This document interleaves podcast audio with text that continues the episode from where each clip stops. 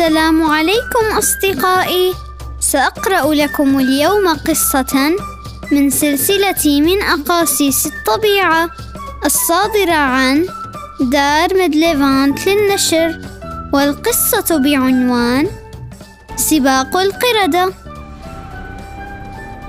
جاء الغول بعبع مع فصيلته التي تؤويه من موطنه في الغابات الإفريقية الغربية. ليشارك في المسابقات الرياضية للقردة. عله يفوز بجائزة أو وسام. والغيلان أو الغوريلات على الرغم مما يشاع عنها من شراسة وعلى الرغم من مظهرها المهول حيوانات فاضلة. من طبعها الحياء. والحياء من الإيمان. تحب أن تعيش حياة هادئة وهي تأكل سوق نباتات الكرفس والسرخس وثمار العليق ولحاء الأشجار. وقع الاختيار على النسناس العواء من أمريكا الجنوبية ليكون مقدم الاحتفالات. فهو يتمتع بصوت جهوري يصل إلى مسامع جماهير الرباح والنسانيس والبعام وسائر القرود التي غصت بها الغابة. وكانوا جميعا يتحدثون وهم يتسلون بأكل الجوز والبندق وسائر الثمرات. وينظف بعضهم شعر بعض لأن النظافة من الإيمان. سيداتي وسادتي المسابقة الأولى هي سباق المئة متر جريا. كان بعبع قابعا في مكانه المخصص من ميدان السباق وهو على أتم الاستعداد. وكان يقف إلى جانبه عدد من قردة الرباح والشق وهم يتحدثون بحماسة. يمضي الرباح معظم حياته على الأرض ولذلك فهو مؤهل للفوز في السباق. ولكن قردة الشق ظهروا بمظهر الواثقين من أنفسهم. اندفع المتسابقون عندما أعطيت إشارة بدء السباق.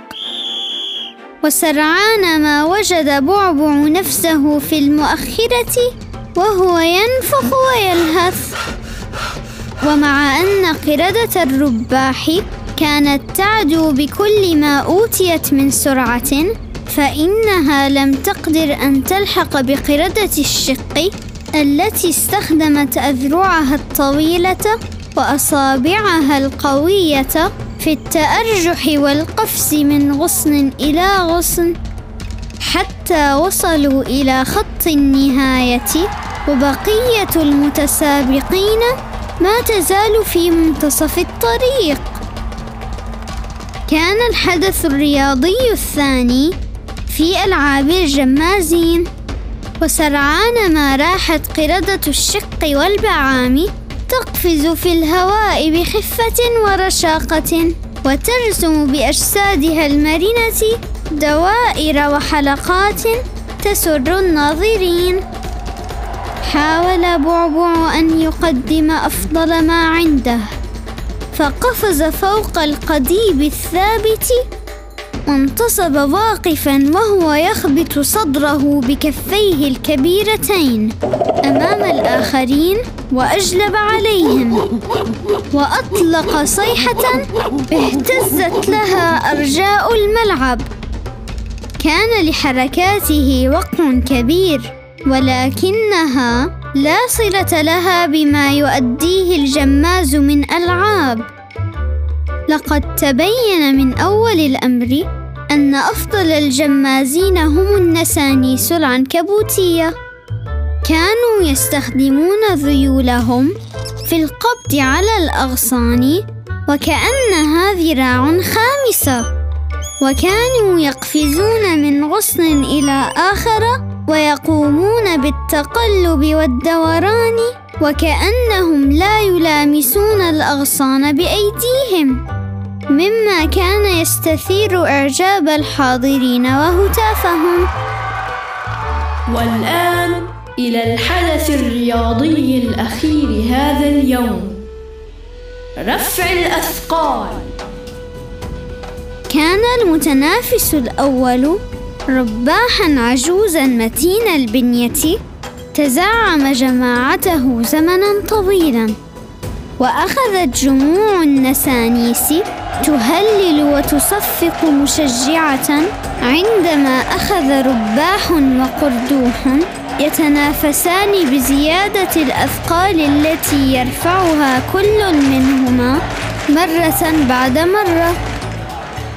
وجاء دور بعبع فصعد على المنصة بمهابة ووقار. وثقته من نفسه في هذا المضمار لا تعادلها ثقة. قد لا يكون بعبع أسرع العدائين ولا أمهر الجمازين ولكنه بلا شك أقوى القرود بلا منازع. وبرفعة واحدة من يديه طارت منصة الحكام بمن عليها من متنافسين وحكام على السواء. لم يكن بين تلك الجموع من هو أسعد وأكثر فخرا من بعبع. عندما وقف قرد القشة أصغر قرود العالم يعلق على صدره وساما ذهبيا وسط تصفيق الجماهير. لقد أصبح في مقدور بعبع الآن أن يعود إلى حياته الهادئة الوادعة في الغابة فقد تحققت له أمنية عزيزة على قلبه.